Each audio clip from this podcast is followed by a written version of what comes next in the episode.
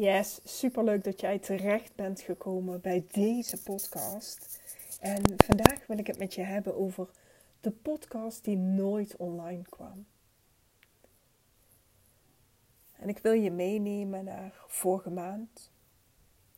Ze zat tegenover mij. De glinstering in haar ogen. En vol passie vertelde ze over haar bedrijf en waar ze haar klanten mee hielp. Ze zat boordevol inspiratie en had zoveel te delen met de wereld. Dus ze nam een besluit. Ze wilde een podcast starten. Want op die manier kon ze een hele grote groep mensen bereiken. Ze had een lach van oor tot oor, een glinstering in haar ogen en blosjes op de wangen. Ze zag het helemaal voor zich. En dat is exact de reden waarom ik haar sprak. Want die podcast, die kwam nooit online. En misschien herken je dit. En die podcast, daar kun je ook iets anders invullen.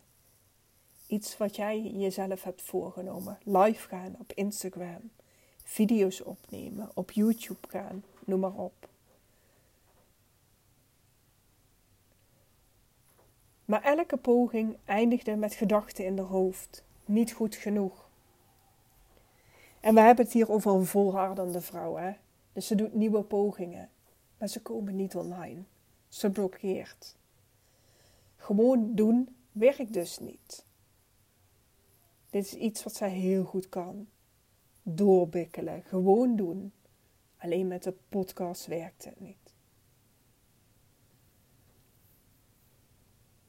We besluiten dat we samen gaan werken middels een één op één traject.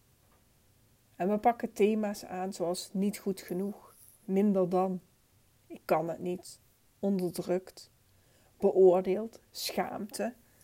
En uh, als je mij deze thema's hoort zeggen, dan. Uh, dit zijn thema's die passen in de vrouwenlijn, die te maken hebben met onze geschiedenis in het vrouw zijn. Maar goed, terug naar mijn sessie. Wij gingen dus samen aan de slag middels een één op één traject. En zoals ik altijd zeg, meten is weten. Ik hou daarvan. En dat doen we dus ook tijdens de samenwerking. We meten voor de sessie doordat ik haar vragen stel over wat ze denkt, wat ze gelooft en hoe ze reageert. En na de sessie vraag ik haar exact dezelfde vragen. En dat is echt het mooiste moment. Het gezicht van mijn klant. Als je nu mijn gezicht zou zien, zou je zien dat mijn ogen gingen glinsteren dat ik blosjes op mijn wangen kreeg. Dat ik enthousiast werd, dat er lach is van oor tot oor. Want dit is mijn mooiste moment. Het gezicht van de klant na een sessie. Wanneer ze beseft wat ze denkt en dit hardop uitspreekt. Ze begrijpt het niet, maar het is veranderd. Dus op het moment dat ik haar voor een sessie en na een sessie dezelfde vraag stel, weet zij ergens dat ze voor die sessie iets anders heeft gezegd.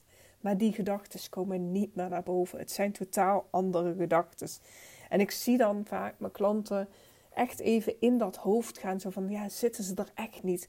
Komen ze nu niet? Komen ze niet als ik wat langer wacht? Nee, ze komen niet. Maar om te bewijzen dat het dus echt veranderd is, krijgt ze huiswerk. De aankomende week moet ze toetsen hoe ze omgaat met die ingebrachte situatie. Ja, en je voelt hem aankomen. Die ingebrachte situatie was de podcast die nooit online kwam. En hoe kun je dit nou het beste testen? Of het veranderd is. Dat is door een podcast te maken en deze online te plaatsen. En dat is wat ze deed. En daarna kreeg ik een voice memo. De podcast staat online. Love it! Ja, het effect van de sessie binnen je leven en je business. En naast de podcast, waar inmiddels echt verschillende afleveringen van online staan, voelt ze meer vrijheid om te spreken. Zijn de negatieve gedachten in haar hoofd fors afgenomen? Haar creativiteit is toegenomen en ze denkt veel meer in mogelijkheden. Dus ik ben eigenlijk nieuwsgierig. Wat is dat project waarvan jij al heel lang zegt: dit wil ik echt gaan doen, maar wat er niet van komt. En ik wil dan eigenlijk dat je jezelf afvraagt: is het een kwestie van gewoon doen?